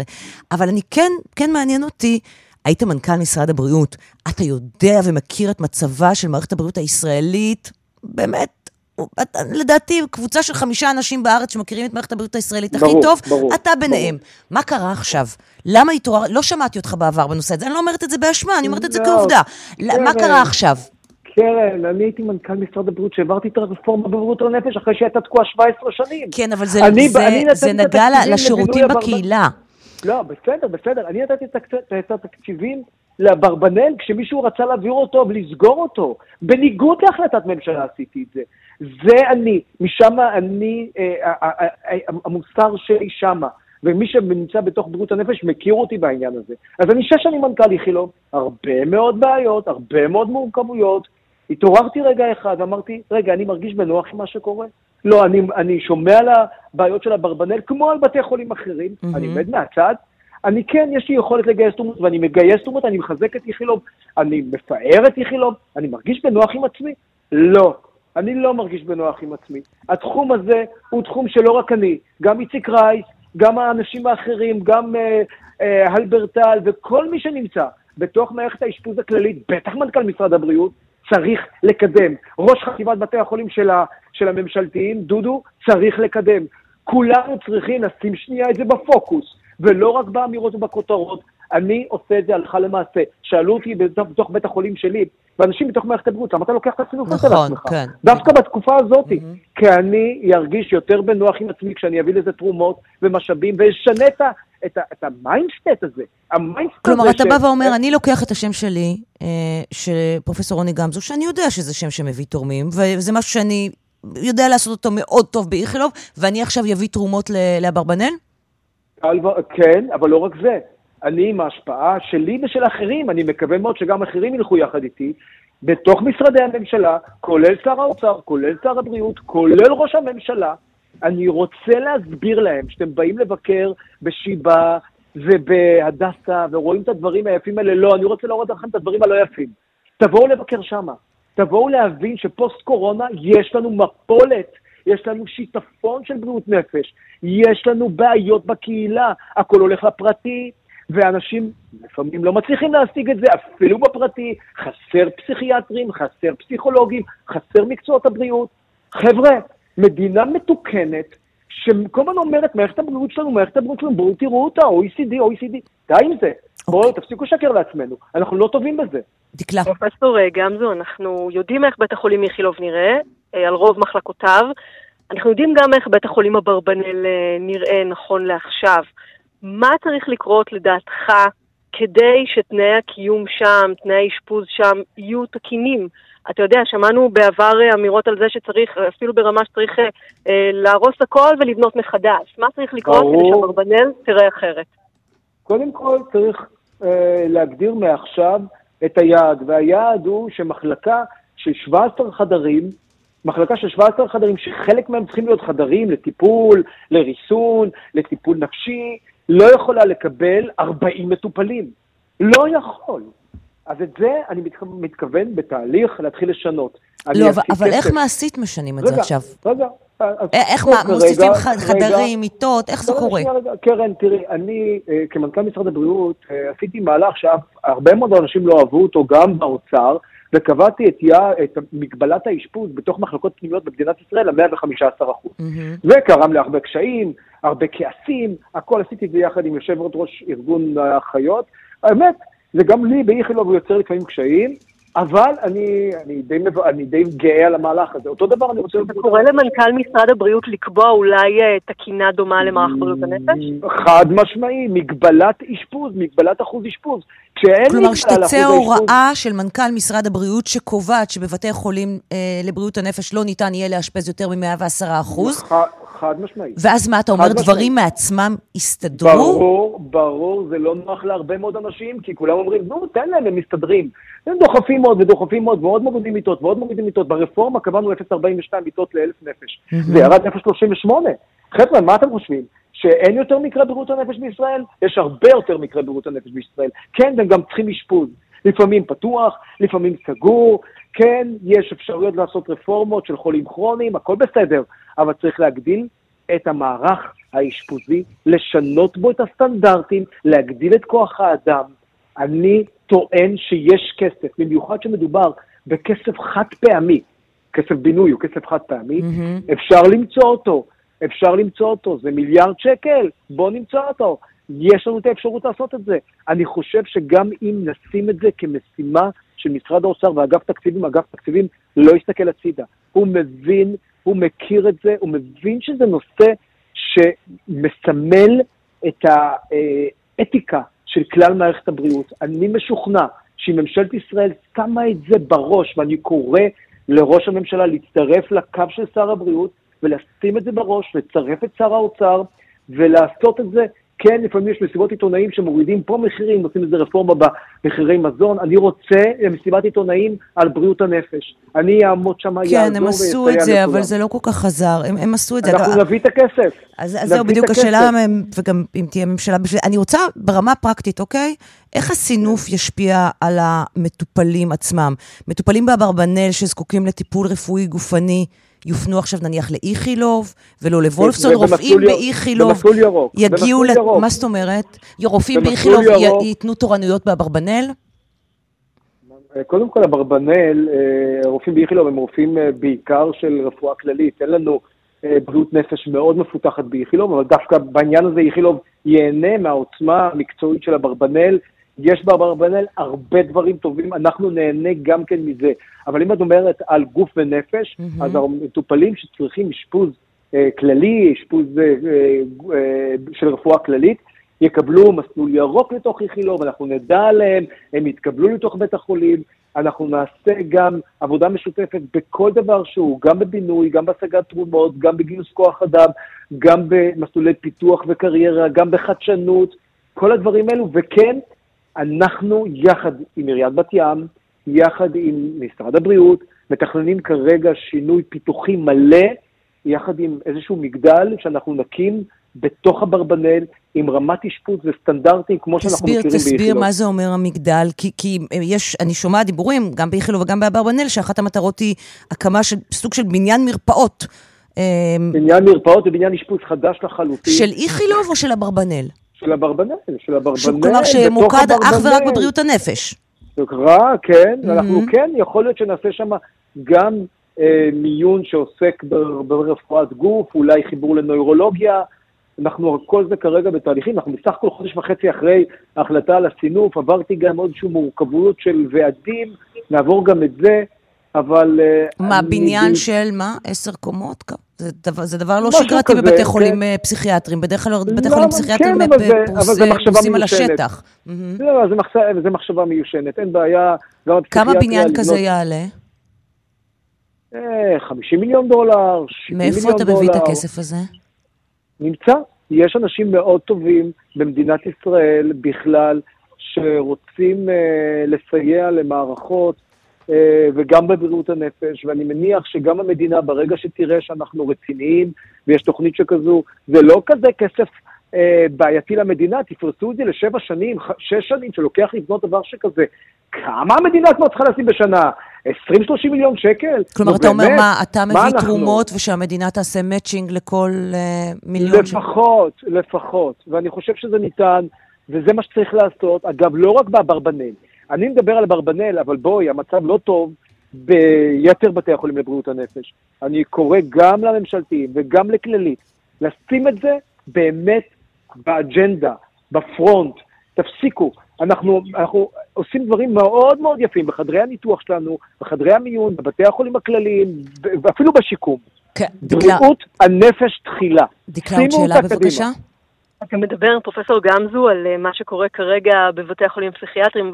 בוא באמת אולי אתה, אתה אה, מדבר על הזמן שעבר מאז הסינוף. מה אתה רואה שם? מה עובר כרגע על מטופל שמגיע להתאשפז בבית החולים אברבנאל מבחינת התנאים, מבחינת המחיה, מבחינת הקיום שלו שם? תראי, אגב, יש שני דברים אה, סותרים בתוך אברבנאל. יש את הבניין החדש, יש בניין שהוא באמת נותן את השירותי בריאות הנפש הטובים ביותר בארץ בתחומים הללו, ויש מערך אשפוז מאוד מיושן. אבל בעיקר אני רוצה גם לשנות את ההעזה, את התעוזה של אה, להסתכל קדימה, להסתכן בבינוי, להסתכל בהתרחבות, להסתכן בגיוס, ואני אומר להסתכן כי לפעמים אנחנו לוקחים אה, מהלכים יומרניים, אבל זה הדרך שאנחנו מקדמים את מערכת הבריאות. אני רואה אה, מטפלים טובים, אנשים באמת טובים, עובדים באמת טובים, אבל אני רואה ששמים אותם בתנאים לא סבירים. אבל זה לא רק לעתים- התנאים, זה לא רק התנאים, אני חייבת להעיר בהקשר הזה, מעבר לתנאים הפיזיים הבלתי נסבלים באברבנל, אה, מתקשים להביא כוח אדם איכותי, אגב, לא רק שם, עובדים ועובדות סוציאליים למשל, בקופות החולים מקבלים יותר כסף מאשר בבית חולים פסיכיאטרי ממשלתי. גם הפסיכולוגים בשירות הציבורי מקבלים אה, שכר מעליב. אה, ומה עושים עם זה למשל? באברבנל מתקשים להביא, להביא עובדים ועובדות סוציאליים בגלל השכר, כי בקופות מקבלים יותר כסף. כן, זה אחת הבעיות. אה, צריך לומר שזה לא רק בקופות, זה גם בפרטי, גם מקצועות פרטי הבריאות. עוד יותר, היום- אבל, אבל גם בקופות ברור, מקבלים יותר. ברור. אני טוען, וזה מה שאני, ככה אני מנהל את איכילוב, שקודם כל אני רוצה שהעובד ירגיש גאווה שהוא בא לתוך בית החולים. לפעמים הוא מרוויח פחות בתוך בית החולים, אבל הוא מקבל יותר. הוא מקבל גם התקדמות מקצועית, גם תהליכי הכשרה, הוא לומד יותר, וכן, יכול להיות שאחרי עשור הוא עוזב למקום אחר. אבל חלק מתהליכי הגיוס בתוך מערכת הבריאות לא בנויים רק על התגמול הכספי. הם בנויים על מערכת נתינה רחבה יותר, על גאווה להזדהות עם Mm, ארגון גדול. זה לא, פרופסור גמזו, זה לא עוזר, כן, לעובדת כן, הסוציאלית בת ה-35 או 40, שיש לה כבר שניים או שלושה ילדים, וצריכה לגמור את החודש. זה לא עוזר, כן. אני יודע, תחושת הגאווה את- הזאת. כן, קרן, אני יודע, את צודקת. וגם אה, זה לא יכול לבוא בלי שינוי והתקדמות והסכמי שכר יותר טובים בתוך המגזר הציבורי, בתוך המערכת כן. הממשלתית. אין ספק, מקצועות הבריאות אה, לא ממש מהמקומות המפורגנים בתחומים הללו, ואני חושב שגם כאן צריך לעשות עבודה. אני אשב עם ראשי ההסתדרות, הדבר הזה צריך לבוא גם מתוכם וגם מתוך הממונה על השכר. יש כאן הרבה מאוד עבודה, אבל אני רוצה לשים את זה בחזית, בפרונט של כולנו. אני אשמש דוגמה, אני אעשה את זה בתוך המסגרת של הסילוב שלנו מול אברבנל. אני אביא ואעשה הכל כדי. שמשרדי הממשלה יבואו איתי. שומעים אותנו מאזינים עכשיו, והשאלה שעוברת להם בראש זה, רגע, רגע, זה לא האיש שאמרו שאולי הולך להתמודד על אה, ראשות עיריית תל אביב, מה שקורה עוד שנה וחצי?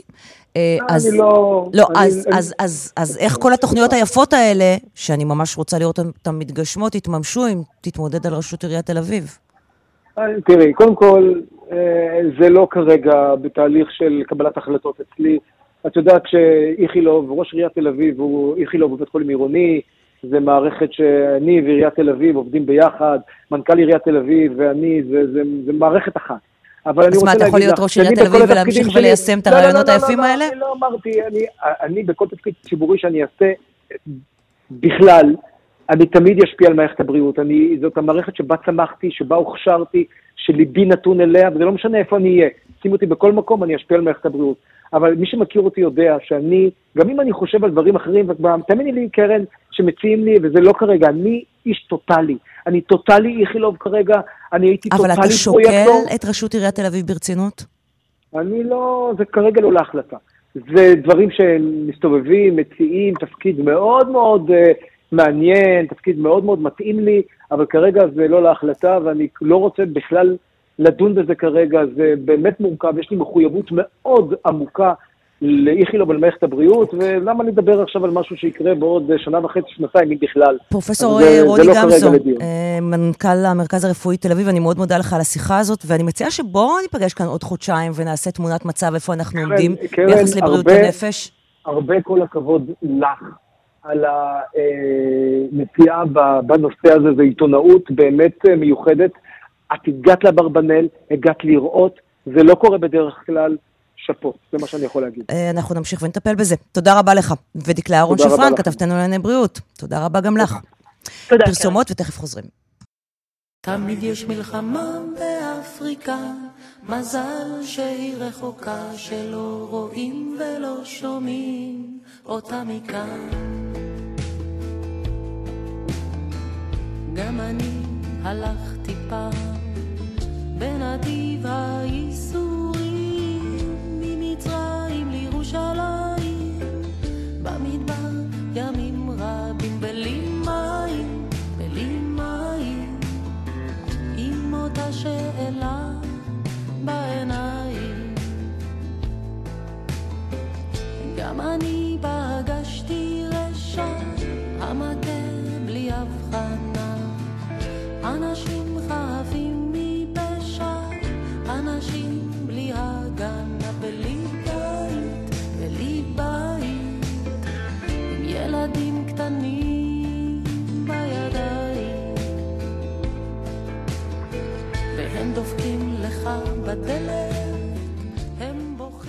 שלום לאורן נהרי.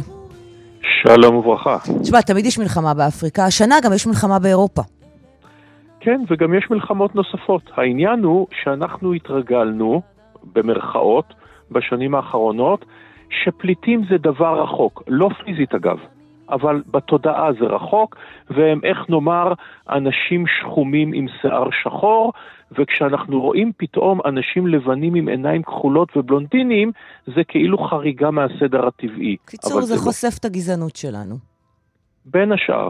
אה, כן, וגם, את יודעת, את הקרבה הפיזית ואת ההשפעה על העולם, כי בסופו של דבר אפשר לבוא ולטעון שמלחמה בלב אפריקה, נגיד במאלי עכשיו, שבה הצבא הצרפתי עד לא מזמן רדף אחרי ג'יהאדיסטים, תשפיע הרבה פחות על העולם מאשר אה, אה, מלחמה באוקראינה, שעוד דקה מדינות במזרח התיכון ייגמר להם החיטה. למשל, כן. שזה דבר שיכול להביא לקריסת משטרים ותוהו ובוהו. אז מבחינת ההשפעה הגלובלית היא יותר, אבל כן, יש פה גם את הגזענות. אגב. הולכת באמת להיגמר לנו החיטה? לא לנו, אנחנו מדינה עשירה. אז יהיו עליות מחירים, אני לא מקל בזה ראש, אבל בזה נוכל לעמוד, ישראל המדינה, אבל בלבנון למשל, כל החיטה שהייתה להם בממגורות נגמרה לפני יומיים. אוקראינה, שמייצאת 15% מהחיטה העולמית, לא יכולה לייצא, הים השחור ממוקש באדיבות רוסיה. רוסיה, עוד יצואנית ענק, לא מייצאת בגלל הסנקציות. זה אומר זינוק אדיר במחירי החיטה, דבר שכבר גרם עלייה במחירי הלחם. למהפכה הצרפתית בין השאר, לאביב הערבי בין השאר, ומדינות עניות סביבנו, עזה, ירדן, לבנון, מצרים, וכמובן אפריקה יושפעו מזה מאוד מאוד מאוד. ואנחנו לא מנותקים מהם בסופו של דבר, מה שקורה אצלם משפיע עלינו, אנחנו רק חושבים שאנחנו, שזה לא קשור אלינו. אנחנו אפילו את זה כבר לא חושבים, כי ברור לנו, אנחנו מסתכלים על מחיר הדלק, מסתכלים על פליטים, מסתכלים על עלייה, מסתכלים האם נוכל לספוג אלף פליטים, במדינה של 7.4 מיליון יהודים, שזה לא ישפיע חלילה על הדמוגרפיה, אבל כן, אנחנו חושבים על הרבה מאוד דברים, חוץ מהדברים שחשוב מאוד גם לחשוב עליהם. רצינו לדבר איתך מלכתחילה, איכשהו כמובן הגענו לשלל הנושאים האלה, כי זה בלתי נמנע, אבל רצינו לשאול שאלה אחת עקרונית. אנחנו עם הפנים כבר לערב ליל הסדר ולחג החירות. והאם העולם חופשי יותר? אז תלוי למתי משווים, כמובן, כמו כל דבר אחר. בואי נזכור, קרן, שדמוקרטיה עלתה בתור רעיון, שכמעט לא מומש, לפני קצת יותר מאלפיים שנה באתונה, אבל הפעם הראשונה שהיא ממומשת, לכאורה, זה בארצות הברית, עם המילים הבאמת נשגבות הפותחות את החוקה, mm-hmm. We the people, הצהרת העצמאות. אנו העם. כן. בואי נזכור, נזכור כולנו, מאזינים ומאזינות, סליחה על הטון הטיפה מטיפני, שמי שאומר אנו העם זה 53 גברים לבנים, נוצרים, עשירים, בעלי עבדים. כלומר, נשים לא תהיינה חלק באותו עם נשגב עוד 150 שנה אחר כך, על השחורים אני בכלל לא מדבר, העבדים, גם היו שחורים חופשיים שהוגדרו שלוש חמישיות אדם לבן. ועל הילידים אין טעם לדבר, כי עוד מעט רובם יושמדו.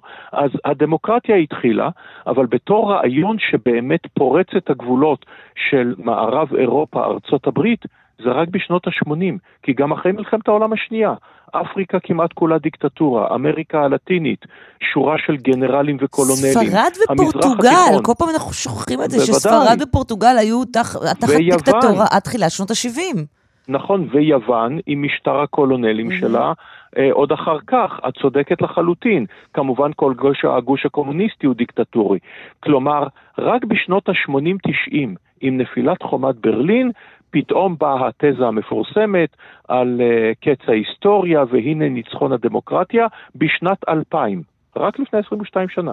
הייתה הפעם הראשונה בהיסטוריה שיותר בני אדם חיו בדמוקרטיות מאשר בדיקטטורות, וזה ירד. כי היום שוב יותר בני אדם חיים תחת שלטון שאיננו דמוקרטי, שזה אולי הדבר הכי שובר לב. הכי שובר. הנסיגה mm-hmm. בדמוקרטיה. איזה מדינות שינו את המאזן הזה? תעשה לנו את הספירה.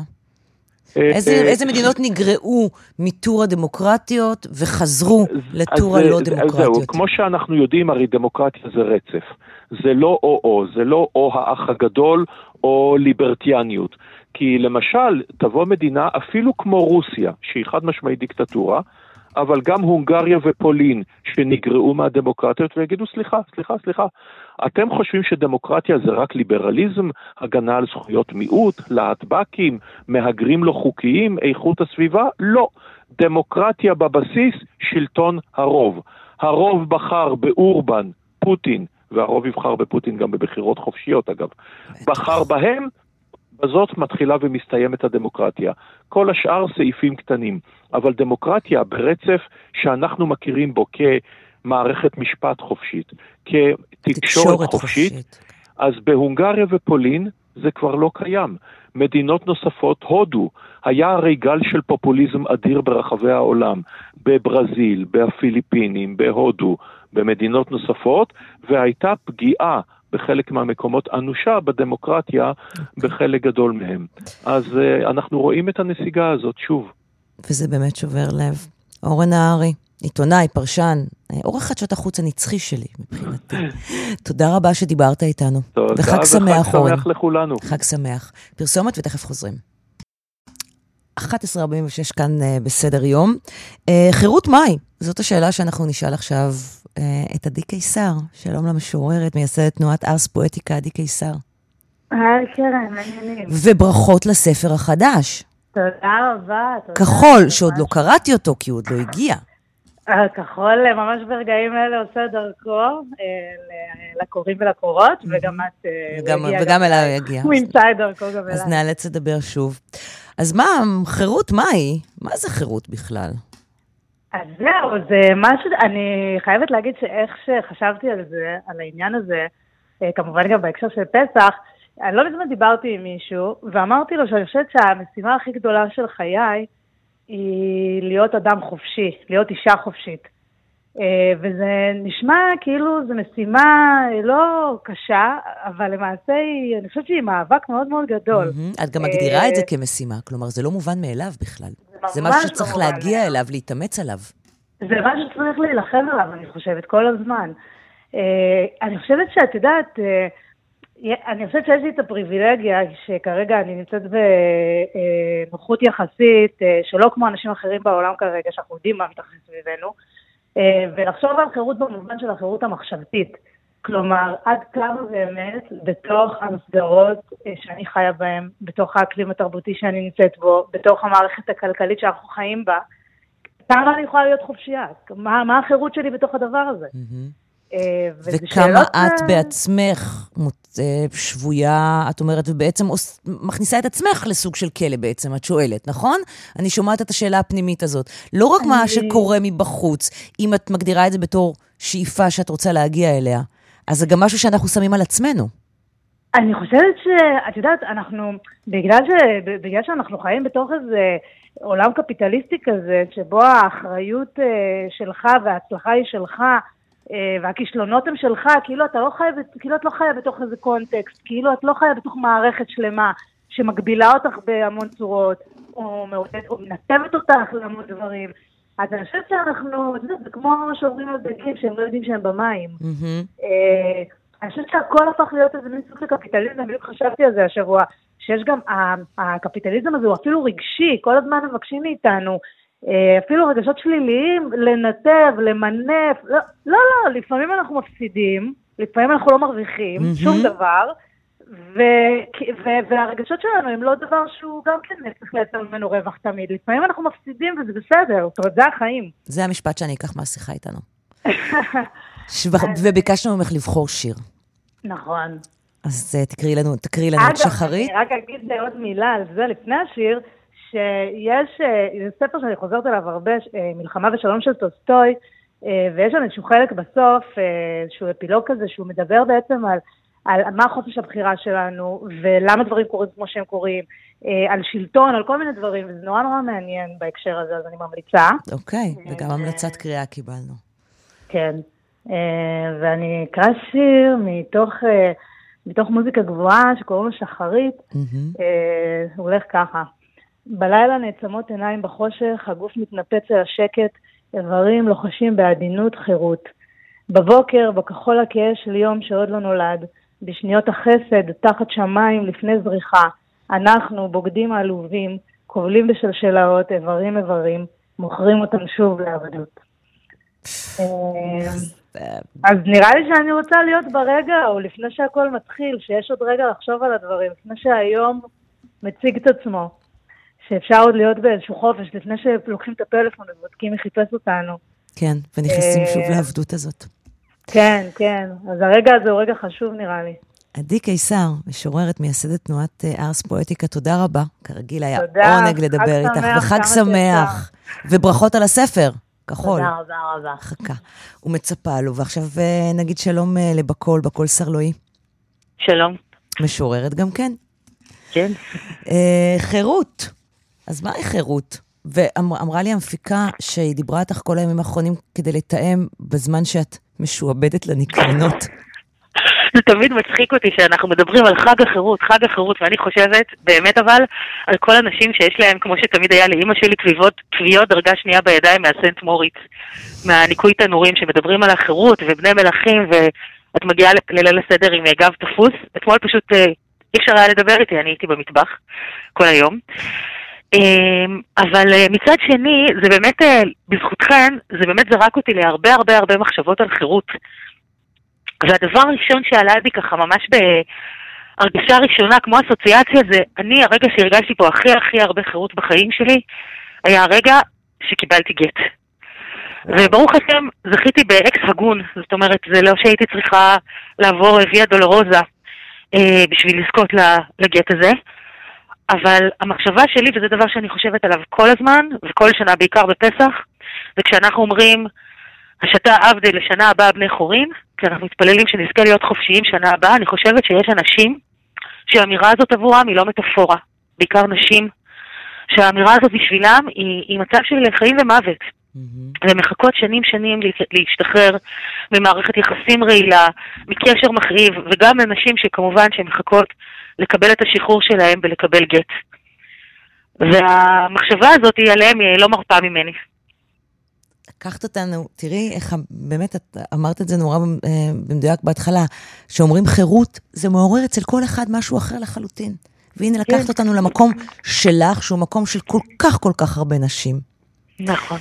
אז תקראי לנו את השיר שבחרת, שהוא, שהוא בדיוק זה. אני אקרא את השיר הזה ואני אגיד גם מה, מה קורה אחרי השיר הזה מבחינתי. Mm-hmm. אחרי הגט.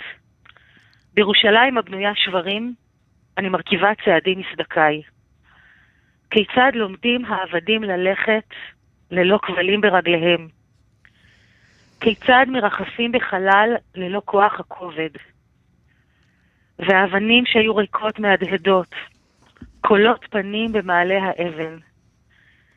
גלידה ב-12 שקל נמסה על ידיי, שהחיים שקניתי לי יקרים ממחירם. אז כיצד לומדים העבדים ללכת ללא כבלים ברגליהם? מה קורה אחרי הגט? מה שקורה אחרי הגט, וזה בעצם אה, דבר שאני רוצה לקשור אותו בהקשר התרבותי היותר גדול של עם ישראל בהקשרים האלה, מה שקורה זה שמרכז הכובד שלנו משתנה. אוקיי, אז יצאת לחופשי, יצאת לחופשי, עם שלם יצא לחופשי. מה עושים עכשיו? יש משהו מאוד נוח בחייו של עבד, כמה שזה נשמע מזעזע, כן? הכל צפוי, החיים של עבד יש בהם משהו מאוד בטוח. וההרגשה הזאת היא שתצא לחופשי יכולה לפעמים להיות הרבה הרבה יותר מאיימת מהידיעה שאתה תקבל את המכה שאתה כבר מכיר בזמן שאתה מכיר. והנה, עכשיו החיים שלי בידיי, החיים שלי ברשותי. מה אני עושה מהם?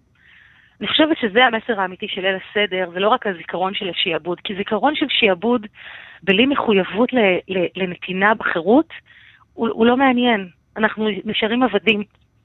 אבל זה דבר שהולך איתי מאז. קיבלתי את החירות שלי, אני יודעת לשים לב אליה. במה זה מחייב אותי? זאת אומרת, אחרי שמרכז הכובד של העבדות משתנה, השלשלת הזאת משתנה, האם אני מקבלת על עצמי עול חדש?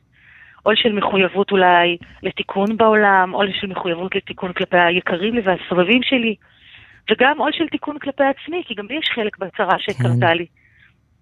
וגם אנו, אני חושבת שזה הסיפור שמבחינתי הוא הסיפור של ליל הסדר. יצאנו לחופשי יופי, ועכשיו מה? איך אנחנו לוקחים את הכוח הזה לתיקון עולם? בקול סרלואי, אה, תודה רבה שדיברת איתנו.